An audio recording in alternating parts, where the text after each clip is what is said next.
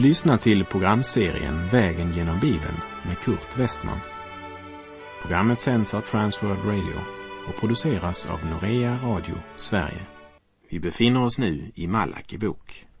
Slå gärna upp din bibel och följ med.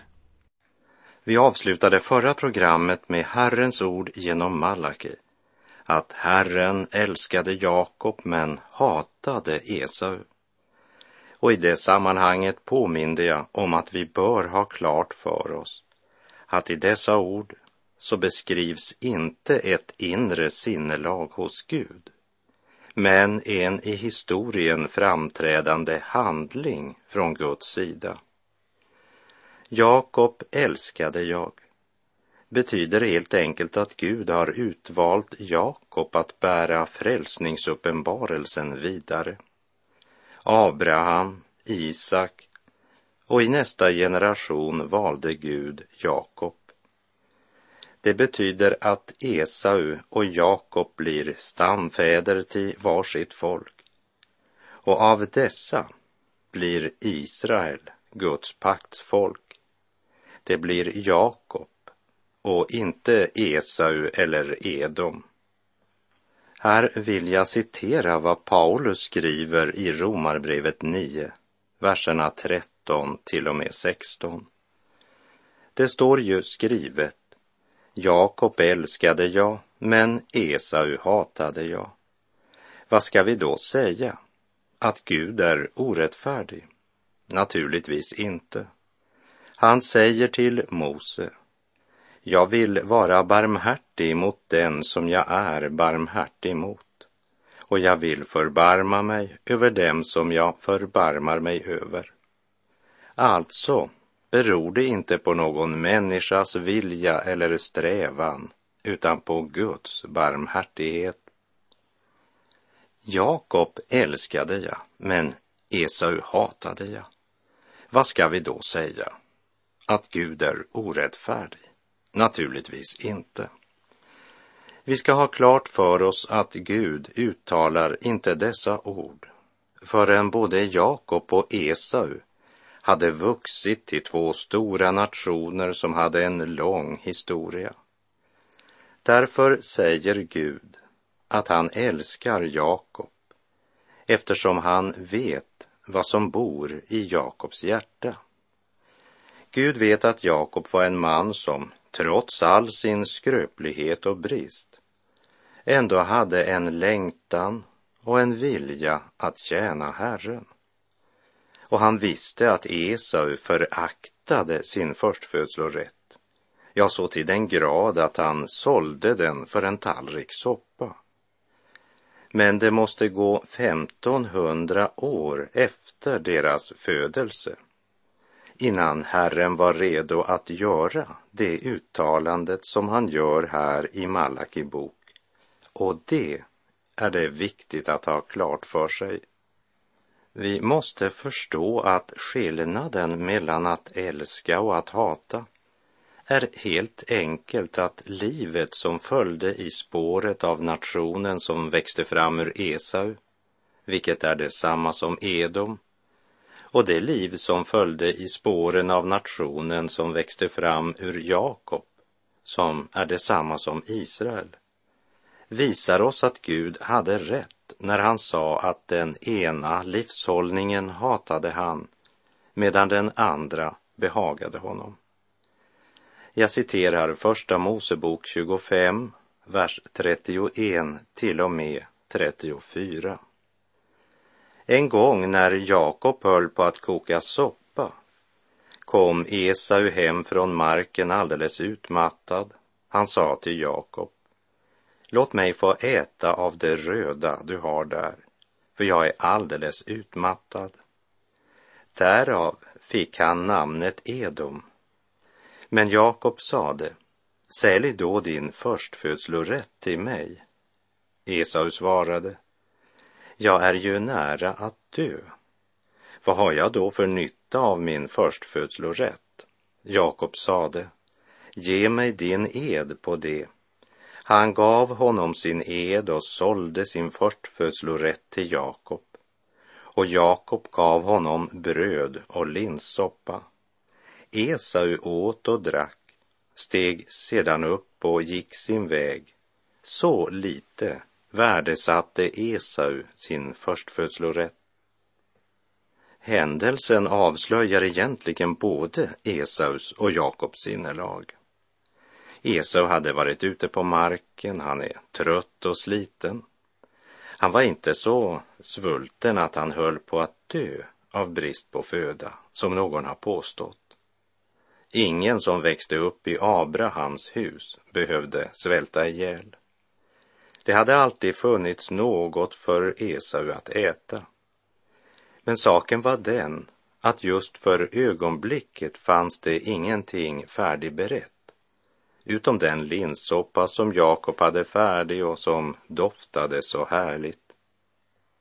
Jakobs hållning visar att han hade förstått något av förstfödslorättens stora betydelse medan Esau visar att han inte räknar den för särskilt värdefull.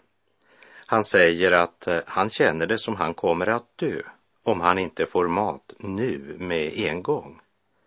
Vi kan säga att hans blick sträcker sig inte längre än till det nuvarande, det jordiska, det synliga.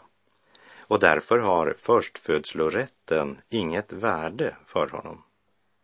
Och fiendskapen mellan Edom och Israel, den var stark också på Malaki tid. Inte minst var det svårt för Israel att förlåta att broderfolket inte kommit Jerusalem till hjälp när de blev överfallna av babylonerna år 586 f.Kr. Tvärtom så hade de uppenbart deltagit i plundringen av staden. Så för Israel stod Edom som en symbol för svek och brutalitet. Edom vars stamfar var Esau hade just förlorat sitt land genom ett angrepp från grannländerna. Är situationen svår i Israel så är den fruktansvärd i Edom. Och det naturliga hade varit att Israel hade gått samma öde till mötes. Men Herren hade bevarat Israel. Men det såg man inte. Man såg bara hålen i schweizerosten. Och när Herren proklamerade, jag har visat er kärlek, så svarade folket, hur har du visat oss kärlek? Det är då Herren pekar på konkreta förhållanden i livet. Och han förkunnar att den olycka som drabbat Edom inte är tillfällig, utan ett uttryck för Guds vrede över folket. Ett folk som förkastar Gud går mot sin undergång och det är bara en tidsfråga när de går under. Edoms folk inbillade sig att det nog snart skulle bli bättre. Men Malaki säger att i Herrens ögon är Edom ogudaktighetens land och det folk som Herren är vred på för evigt. Vi läser Malaki kapitel 1, vers 4 och 5. Om nu Edom säger, vi är krossade, men vi ska åter bygga upp ruinerna, så säger Herren Sebaot, det bygger upp, men jag ska riva ner. Det ska kallas ogudaktighetens land och det folk som Herren är vred på för evigt. Ni ska få se detta med egna ögon och då ska ni säga Herrens makt når bortom Israels gräns. Gud säger att så som han har handlat med de nationer som kommer från Esau och Jakob visar att trots bristerna hos Israels folk så har Herren hållit sin hand över dem. Han har verkligen genom historien visat Israel sin kärlek. Men de var så självcentrerade att de inte såg Guds kärlek. Gud dömde Edom och Edom reste sig aldrig igen efter det. När hörde du sist talas om en edomit? Gud har så tydligt demonstrerat sin omsorg för Israel. Det är också ett tecken på att Gud inte låter jäcka sig genom Edoms fiendskap mot Guds utvalda folk. Vi säger så ofta att Gud är kärlek. Men det är inte nog att beskriva Gud med ett så abstrakt uttalande. Gud säger inte att han är kärlek. Han säger, jag har älskat er och visat er min kärlek. Så talar Herren också till oss som lever idag och säger att han har visat oss sin kärlek långt innan han sa att han älskar oss. Löftet om en frälsare, det går så långt tillbaka som till Adam och Eva i lustgården, där Gud uttalar följande ord till ormen i Första Mosebok 3.15. Jag ska sätta fiendskap mellan dig och kvinnan och mellan din avkomma och hennes avkomma han ska krossa ditt huvud och du ska hugga honom i hälen. Kvinnans avkomma, det pekar fram emot honom som blir avlad av den helige Ande, född av jungfrun Maria, Herren Jesus Kristus.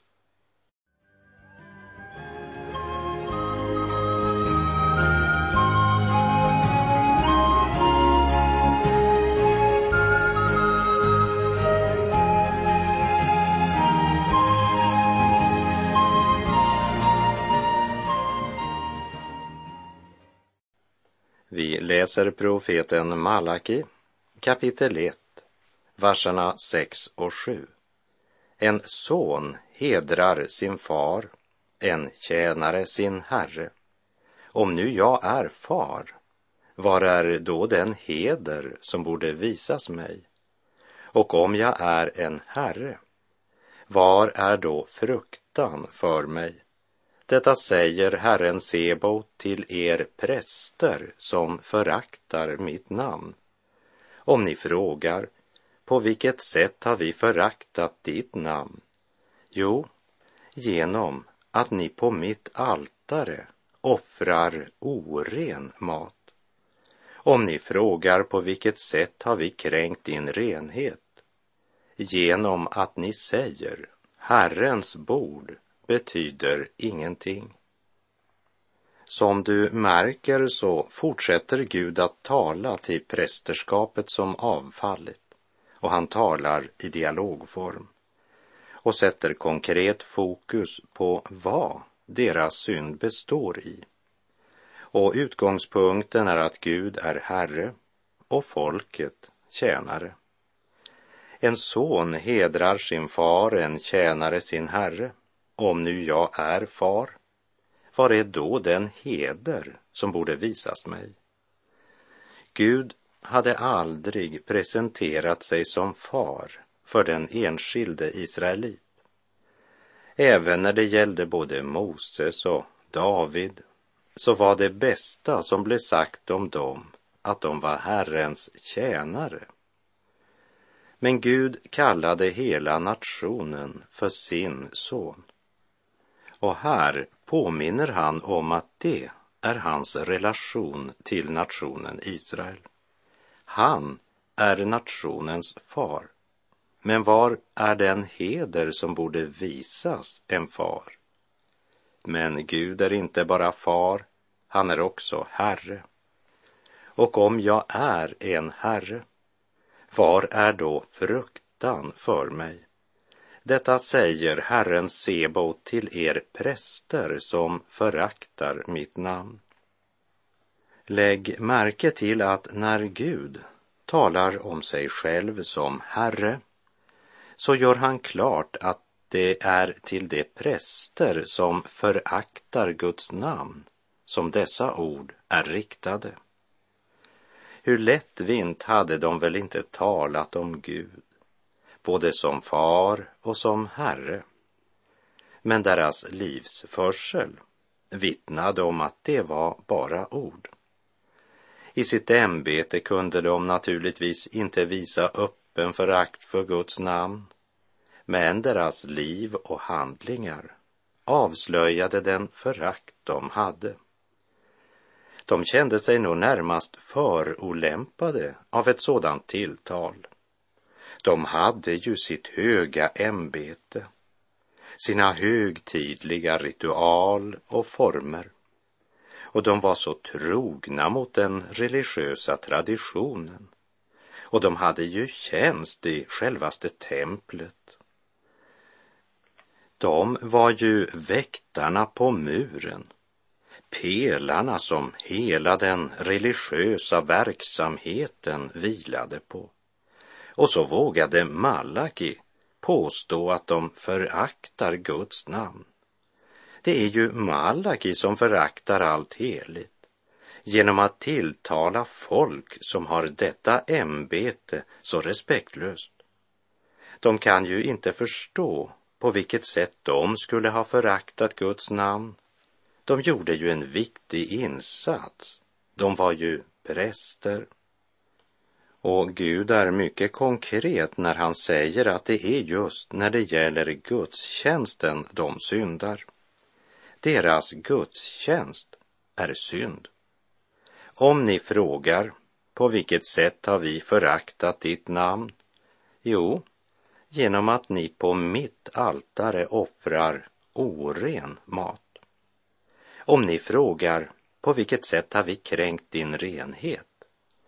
Genom att ni säger Herrens bord betyder ingenting. Om du hade varit i Jerusalem på Malaki tid så hade du fått se skaror flocka sig omkring templet. Sett massor av offer bäras fram och sett de religiösa ritualen praktiseras.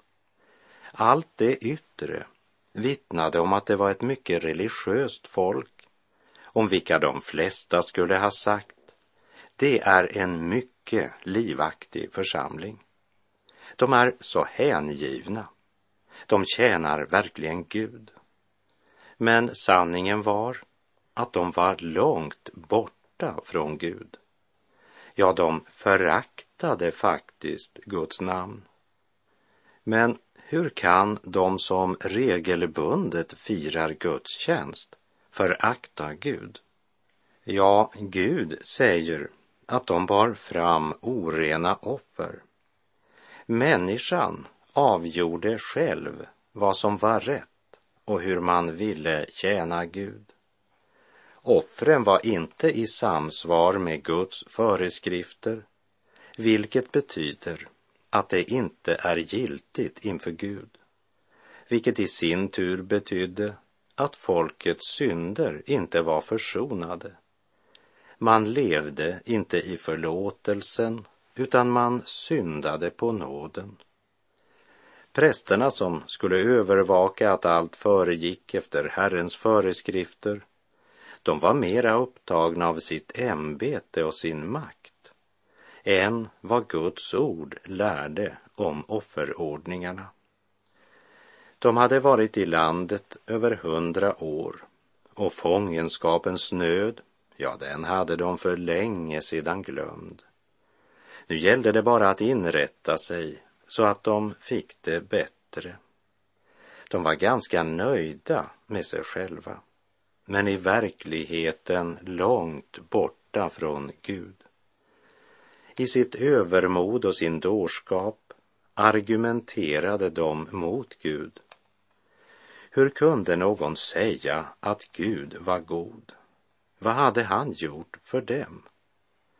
Och nu får du kanske lust att stänga av radion, för det Gud har att säga dem, det är ganska kraftig kost. Malaki 1, vers 8. Om ni bär fram ett blint djur som offer, är inte det något ont? Om ni bär fram det som är lamt och sjukt, är inte det något ont? Kommer sånt till din ståthållare, tror du han blir glad och tar nådigt emot dig, säger Herren Sebaot. Herren talar om offerdjuren de bar fram. Gud hade från allra första början gjort klart för dem att inga sjuka djur skulle offras på Herrens altare. Så när vi ger våra kasserade gamla kläder till nödhjälpsmissioner så ska vi inte inbilla oss att vi ska få något erkännande från Gud för vårt offer.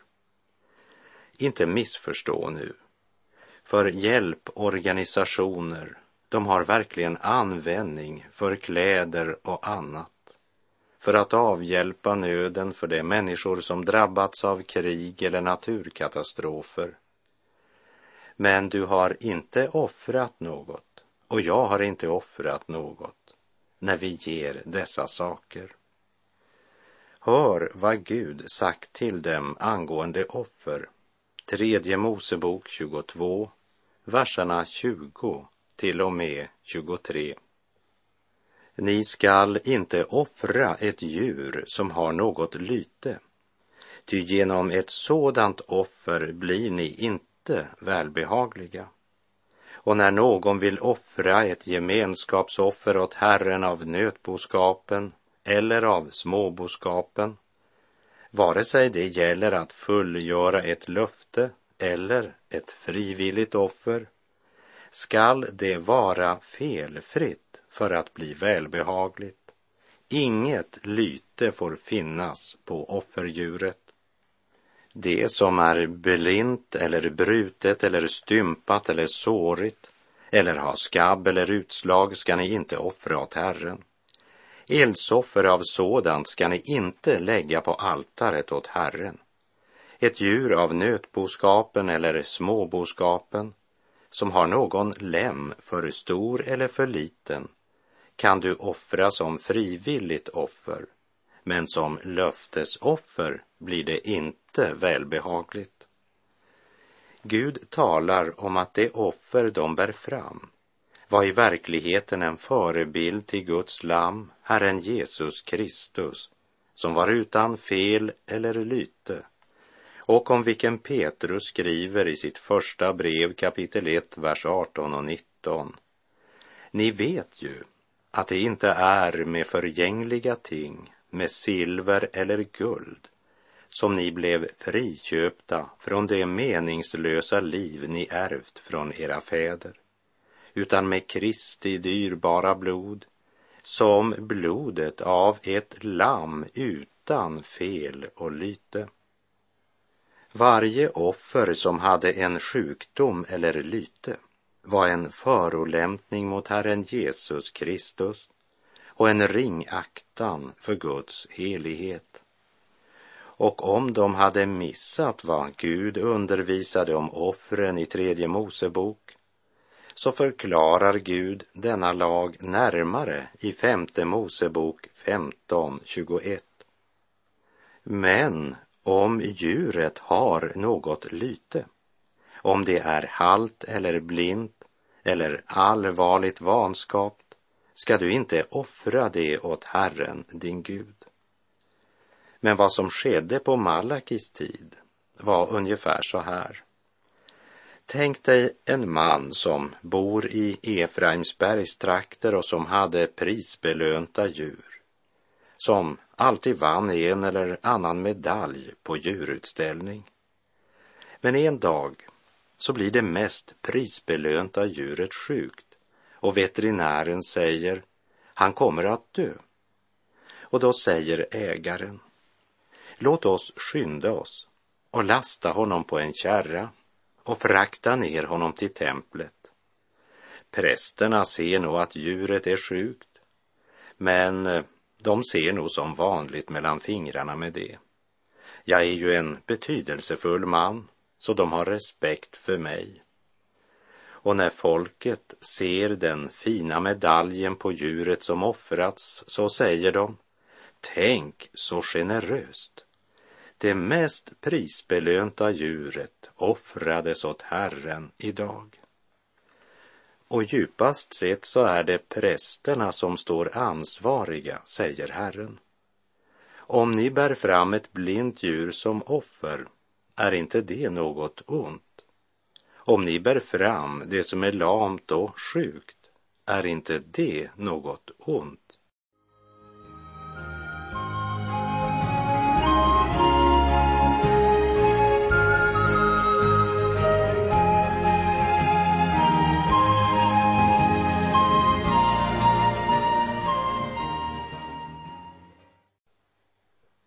Vad vi ser idag påminner ganska mycket om det som skedde i Israel på Malaki tid. Som du minns så beskrev Paulus ändetidens hållning bland människorna. De ska ha ett sken av gudsfruktan, men förneka dess kraft. Människorna kommer att vara mycket fromma och religiöst aktiva och ofta ser det pompöst och imponerande ut. Och Paulus kallar det för att ha ett sken av Guds fruktan. Du kan lägga margarinet i en original smörkartong och det ser ut som smör, luktar som smör, men det är inte smör. Varningen här i Malaki första kapitel skulle verkligen vara en varningssignal som säger oss att livet med Gud handlar inte om den flottaste fasaden, men om vårt inre. Det är ett budskap till alla som går till gudstjänsterna, som lyssnar och nickar bifallande. De är ortodoxt fundamentala och de säger amen. De kan ritualet och alla uttrycken och kan citera en massa fromma klichéer och de är så tillfreds med ett salt utan sälta. Och sanningen om dem är att de förkastat Guds namn när de tillber Gud på det sättet. Och det var väl just detta som fick Dr. G. Campbell Morgan att säga jag är mera rädd för världsligheten i helgedomen än för världsligheten på gatan. Ett stilla barnahjärta smärta man får ej hur som helst. Det går ej utan smärta från syndens makt bli frälst. Det kostar tåreströmmar förrän jag helgat så att alla mina drömmar i Jesu anda gå. Den Herren vill beskära att bli en Abraham.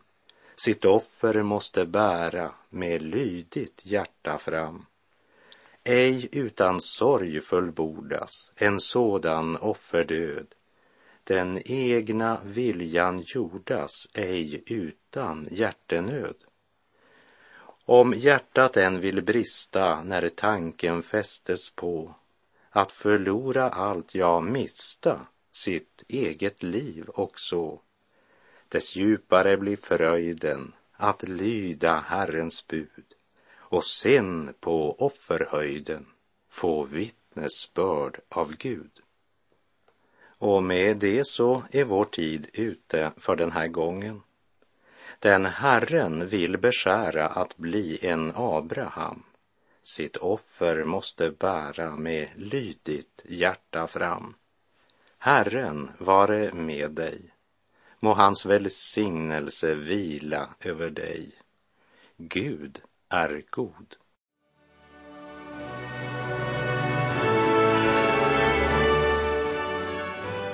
Du har lyssnat till programserien Vägen genom Bibeln med Kurt Westman som sänds av Transworld Radio. Programserien är producerad av Norea Radio Sverige.